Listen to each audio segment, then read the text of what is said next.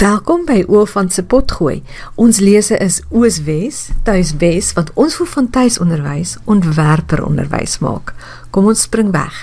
Ons weet almal ons kinders behoort minder tyd op skerms deur te bring en dit sluit rekenaars, tablette en selfone in. Maar hoe doen mens dit? En hoe doen jy dit sonder 'n geveg? Ek dink ook nie dis realisties om ons kinders heeltemal weg te hou van skerms nie. Maar ons kan ons kinders se skermtyd beter bestuur. En dit is waaroor ek vandag met jou wil praat. Eers wil ek net vir jou verduidelik hoekom ons uit 'n emosionele en uit 'n kognitiewe oogpunt ons kinders se tyd op skerms wil beperk. Dan gaan ek praat oor twee hoofmaniere waarop 'n mens enige verslawende gedrag kan beperk en dan wil ek vir jou afsluit met 'n briljante en 'n kreatiewe bestuur van skermtyd wat ek onlangs raak gelees het en baie graag met jou wil deel. Elke keer wat jou kind op 'n skerm is en byvoorbeeld 'n speletjie speel en iets regkry in daai speletjie, stel sy of haar brein 'n goedvoelstof met die naam van dopamien in hulle breine vry. Dopamien is 'n sogenaamde beloningsmolekuule. Jy doen iets wat vir jou lekker is en jou brein beloon jou met dopamien. Maar omdat dopamien so lekker in ons breine voel, beleef ons onmiddellik 'n drang om dit weer te ervaar. En dit is hoekom jy 'n hele pakkie aartappelskyfies opeet voordat jy dit eers agterkom. Dit is hoekom jou kind onmiddellik met die volgende ronde van die speletjie wil begin as hy klaar is met die een. En dit is hoekom jy deur Facebook en Instagram bly bly en bly. 'n Mens kan verslaaf raak aan dopamien. En rekenaarspeletjies en sosiale media word doelbewus geprogrammeer om verslawend te wees. Om jou aandag vas te hou en jou vasgevang te hou binne die raamwerk van daai speletjie of die media. Ek het al gehoor iemand sê die duurste kommoditeit, die duurste verbruikersgoedere in ons tyd in die moderne lewe is iemand se aandag. En daar's regtig mense wat graag jou en jou kinders se aandag wil hê. Maar die probleem is dat so 'n skermlewe is 'n kunsmatig, super gekonsentreerde bestaan. Kom ons vat byvoorbeeld 'n rekenaarspeletjie. In die regte lewe gaan jy nie op hierdie grootse missies waar jy drake en monsters oorwin en raaisels ontsyfer en gevaar op gevaar trotseer en oorkom nie. Maar binne in daai speletjie is jou kind die heeltyd 'n held met buitengewone magte en ervarings en jy kan jou net voorstel hoe stroom die dopamien deur sy brein. Sosiale media is baie dieselfde. In die regte lewe is ons nie daaraan gewoond om elke keer wat jy iets sê, is daar 70 mense wat vir jou hande klap nie. En tog is dit wat op Facebook met jou tienerdogter gebeur as sy as haar vriendinne vir haar duim op die snaartjie stuur as sy 'n foto van haar ontbyt van die dag plaas. Ons is kaktusplantjies wat in 'n reënwoud leef. Dis hoe een navorser wat in hierdie veld werk dit al beskryf het. Ons leef in 'n tyd waar daar so baie van alles is. Kos, geleenthede, vermaak, stimulasie en so baie maniere om kunsmatig baie dopamien in die hande te kry. Die gevolg hiervan is ons is heeltyd op soek na plesier. Maar die probleem is as ons plesier najag net vir plesier, dit mens noem dit hedonisme, lei dit daartoe dat jy later niks meer kan geniet nie. Mens sukkel om die alledaagse te geniet. Gewone dinge voel so vaal en vervelig. Jy put oor die algemeen met ander woorde minder vreugde uit die lewe. En jy kan jou indink watter effek hierdie uiteindelik op jou kinders se geestesgesondheid sal hê. So dis die een ding is hierdie jy jy omdat jy so 'n uh, super gekonsentreerde dopamien vrystellings kry, raak gewone dinge vir jou baie vaal en afgesaag. Dis een gevaar. Die tweede gevaar is dat hierdie hoë dopamien goedere inmeng met jou kind se vermoë om die bevrediging van sy behoeftes uit te stel. En hierdie vermoë is verskriklik belangrik vir kinders se langtermyn sukses. En daai bekende studie met die Mava lekkers is hier baie insiggewend. Kom ek eh, verfris net gou jou geheue. In die laat 1960s het die sielkundige Walter Mischel, het hy sy beroemde maalvalekker eksperiment by die Universiteit van Stanford gedoen.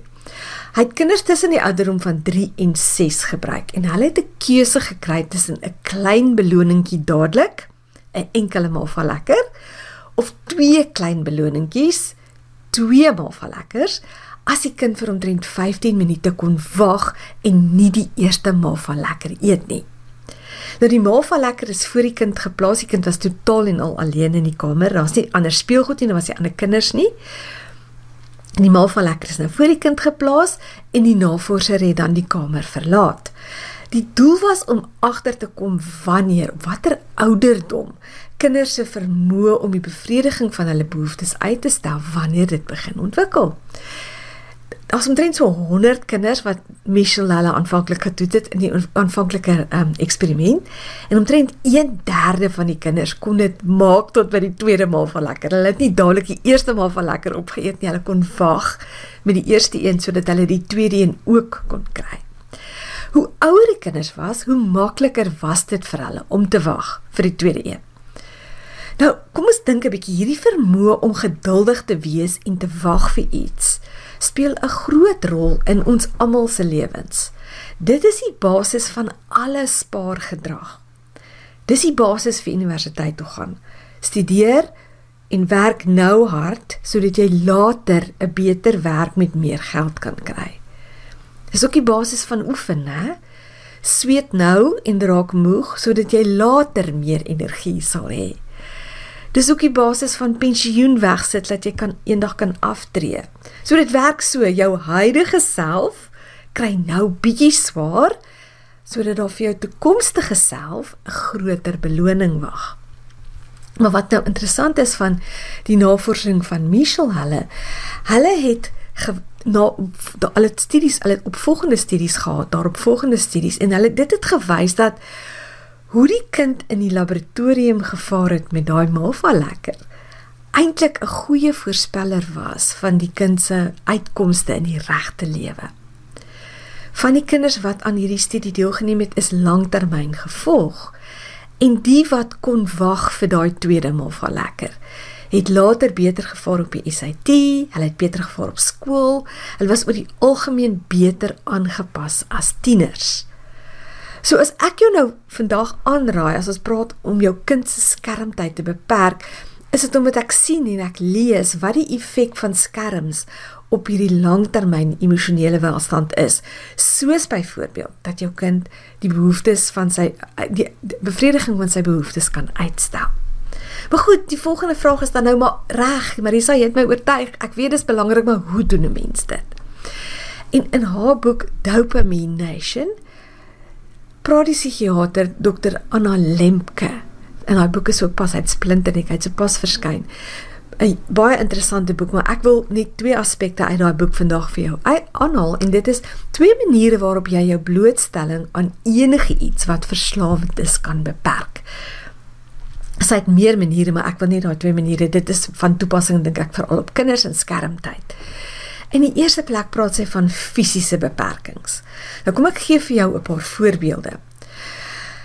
Jy gaan byvoorbeeld jou kind se selfoon afvat en in die kluis toesluit. Of ek weet byvoorbeeld van gesinne wat so 'n mandjie het as hulle saam eet, almal moet hulle selfone in die mandjie sit.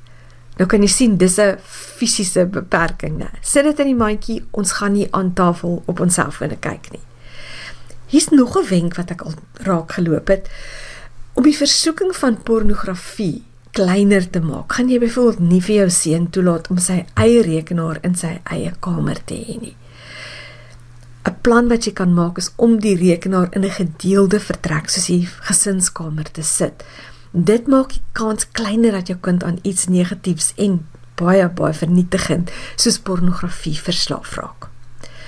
So dit was nou fisiese beperkings. Die tweede beperking waarna Dr Lemke verwys is tydsbeperkings.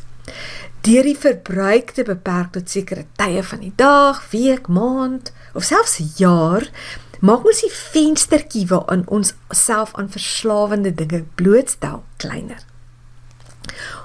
Dat ek vir jou ges, uit ons gesin 'n voorbeeld gee. Ons het glad nie 'n TV gehad toe die kinders klein was. Ek dink hulle was omtrent so 9, 10 toe ons eers begin. Hulle ek, ek het eers begin toelaat het om gereeld nie eers TV te kyk nie, maar televisieprogramme, opgeneemde televisieprogramme. Maar ons het hierdie reël gehad as gesin. Op vakansies het ek altyd as 'n bederf vir ons DStv gehuur by die blyplekke wat ons by gehuur het. En dis, dis vir jou 'n goeie voorbeeld. Sekere tye van die jaar kan ons net soveel televisie kyk as wat ons wil op op vakansies byvoorbeeld. Maar hier's nog 'n paar idees. Jy kan 'n mylpaal ook gebruik as as so tydsbeperking.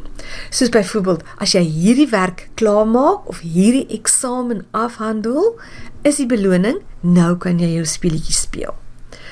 Soms is die blote feit dat jy boekhou van die tyd wat jou kind aan so 'n verslaaf weet moontlik verslawende gedrag bestee, is dit genoeg van 'n uh, 'n beperkingsmateriaal. En baie selfone het sulke toeps wat hulle vir jou sê hoe lank jy iets gedoen het en mens kan ook vooraf begroot wat is die tyd wat jy daaraan aan gaan spandeer.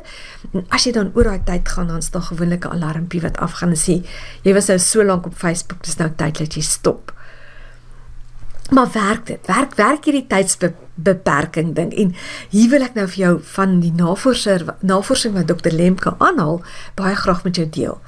Dis navorsing wat met rotte gedoen is wat aan kokain verslaaf geraak het.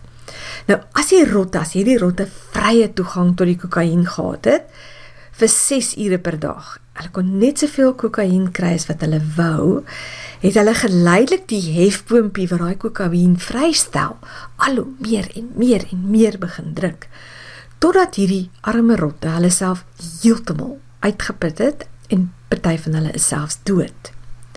Maar nou wat die navorsers gedoen het is as hulle die rotte se kokainverbruik beperk het tot 1 uur per dag. Hulle kon hulle het net 1 uur per dag as hulle die hefboompie druk, het daar inderdaad kokain uitgekom, het hulle verbruik minstens konstant gebly. Hulle het nie die hefboompie meer en meer gebruik soos wanneer hulle totaal vrye toegang gehad het nie.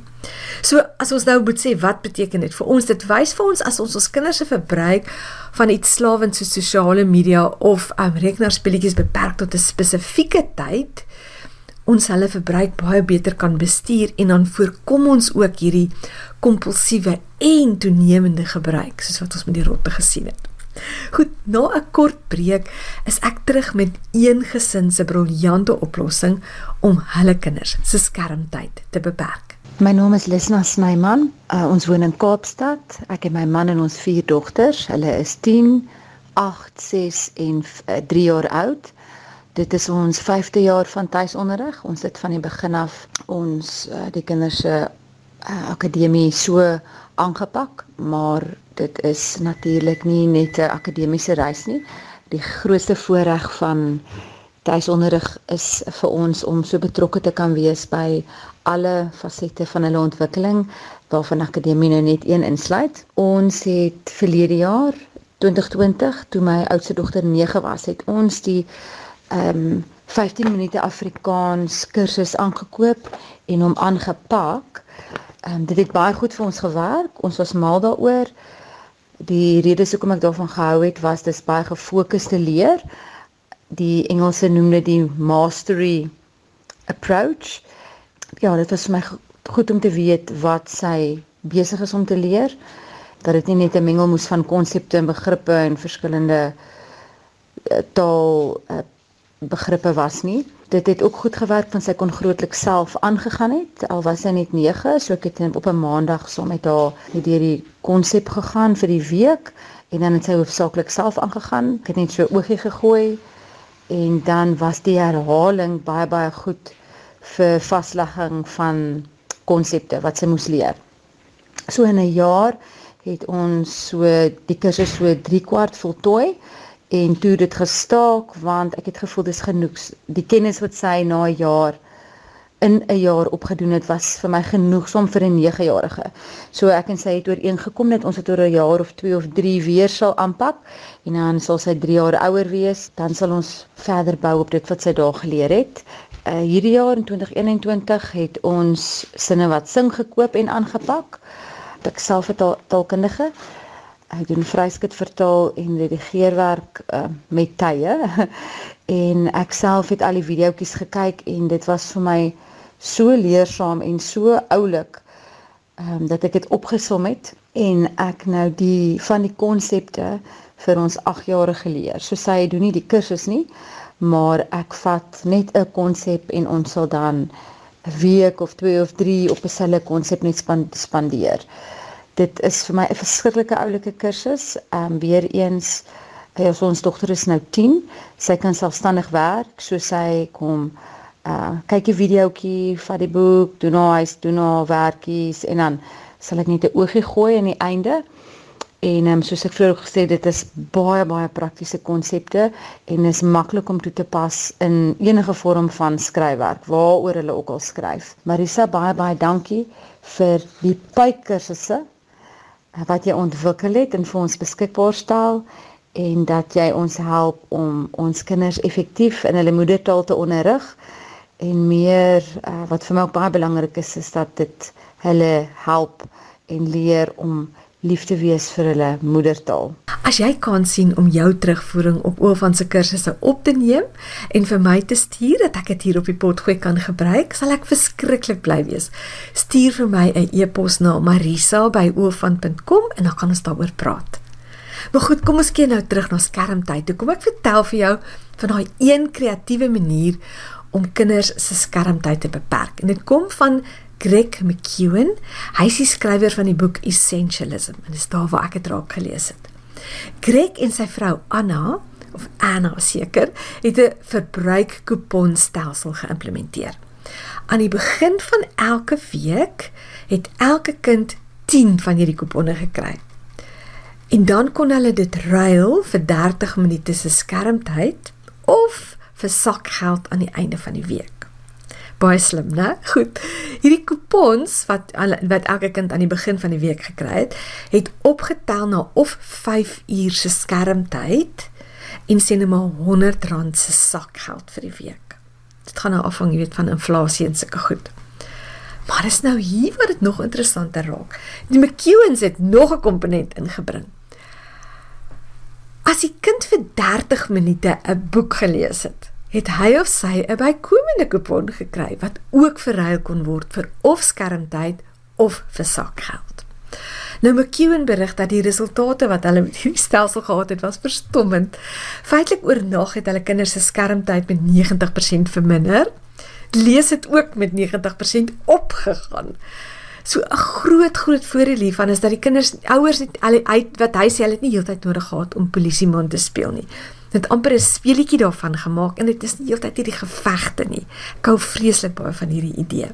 So sinvolle gewone aktiwiteite soos lees het dramaties verhoog en daai nie essensiële hoë dopamien aktiwiteite waaroor ons so onrustig is, het verminder. Presies wat 'n mens wil hê.